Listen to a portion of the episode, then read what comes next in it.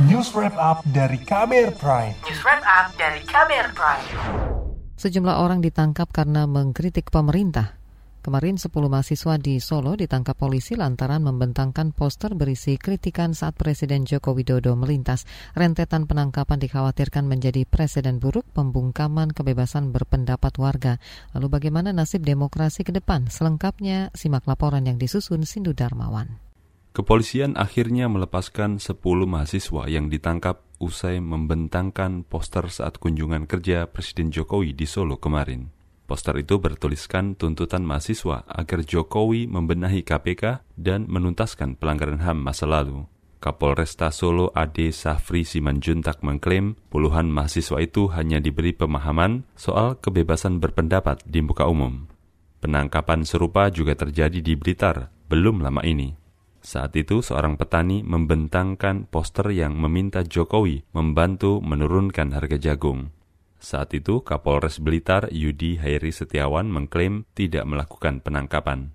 Jadi dilakukan mengamankan ya seseorang ya kemudian kita bawa ke Polres Blitar Kota maksud dan tujuan kami amankan yang pertama adalah untuk mengecek identitas yang bersangkutan. Kemudian kami mengklarifikasi ya dengan kelompok-kelompok apakah benar yang bersangkutan itu bagian daripada kelompok peternak tersebut. Ya, jadi kami sudah melakukan pengecekan ternyata benar, kemudian kita juga sudah memfasilitasi ya aspirasi Penangkapan puluhan mahasiswa di Solo mendapat respons dari staf khusus Menteri Sekretaris Negara Valdo Maldini. Ia mengklaim peristiwa penangkapan 10 mahasiswa di Solo dan petani di Blitar adalah upaya mencegah agar tidak terjadi bentrok saat kunjungan kerja Presiden.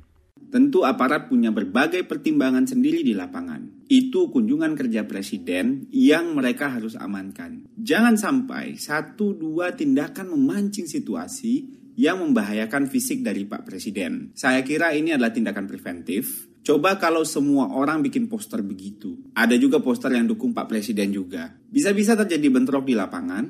Jadi, ini yang harus kita sama-sama jaga di kala pandemi seperti ini. Menurut staf khusus Mensesnek Valdo Maldini, tindakan represif yang terjadi saat kunjungan presiden mungkin dipengaruhi situasi keamanan dari daerah tersebut, bukan semata-mata dilihat dari muatan kritik masyarakat. Kata dia, Presiden Jokowi mempersilahkan masyarakat menyampaikan kritik asalkan dengan cara yang baik. Penangkapan puluhan mahasiswa di Solo terjadi menjelang Hari Demokrasi Internasional yang diperingati hari ini. Dari rilis Badan Pusat Statistik BPS 2020, skor kualitas demokrasi Indonesia turun dari 74,92 menjadi 73,66. Pada Februari lalu, The Economist Intelligence Unit meluncurkan Indeks Demokrasi Global. Indonesia mendapat nilai 6,3 dari 10 dan berada di peringkat 64 dari 167 negara. Wakil Koordinator Kontras Rifanli Anandar menilai penangkapan mahasiswa UNS di Solo merupakan bentuk pembungkaman penyampaian kritik dalam bentuk apa pun itu adalah sah. Penangkapan terhadap 10 orang setidaknya mahasiswa UNS yang kemarin membentangkan poster itu adalah salah satu dampak dari eskalasi pembiaran atau karena minimnya evaluasi atas tindakan reaksionernya alat negara dalam hal ini adalah kepolisian. Pembungkaman dan penangkapan pengkritik bukan kali pertama terjadi Imbas insiden ini, masyarakat menjadi enggan menyampaikan kritik terhadap kinerja pemerintah. Kontras mendesak Presiden Jokowi bertanggung jawab atas pembungkaman hak masyarakat. Sementara itu, kalangan akademisi menilai tren penurunan kualitas demokrasi berpotensi kian langgeng jika kebebasan sipil makin dikekang.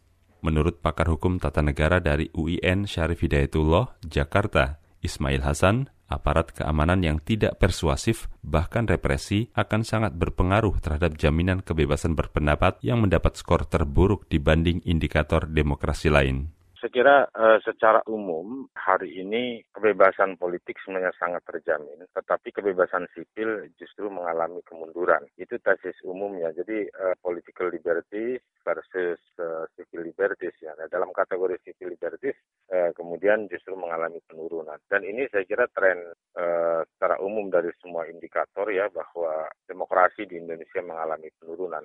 Mengapa ini terjadi? Memang secara survei, variabel yang paling menentukan adalah kebebasan sipil. Pakar hukum tata negara dari UIN Syarif Hidayatullah Jakarta, Ismail Hasan menilai variabel kebebasan berekspresi, berpendapat, beragama, dan berkeyakinan yang kian menurun juga disebabkan gemuknya koalisi pemerintahan. Dia mendorong ada jaminan konstitusi dan HAM, serta meminimalkan pemanfaatan otoritas pemerintah untuk mendiskriminasi dan membatasi kebebasan sipil.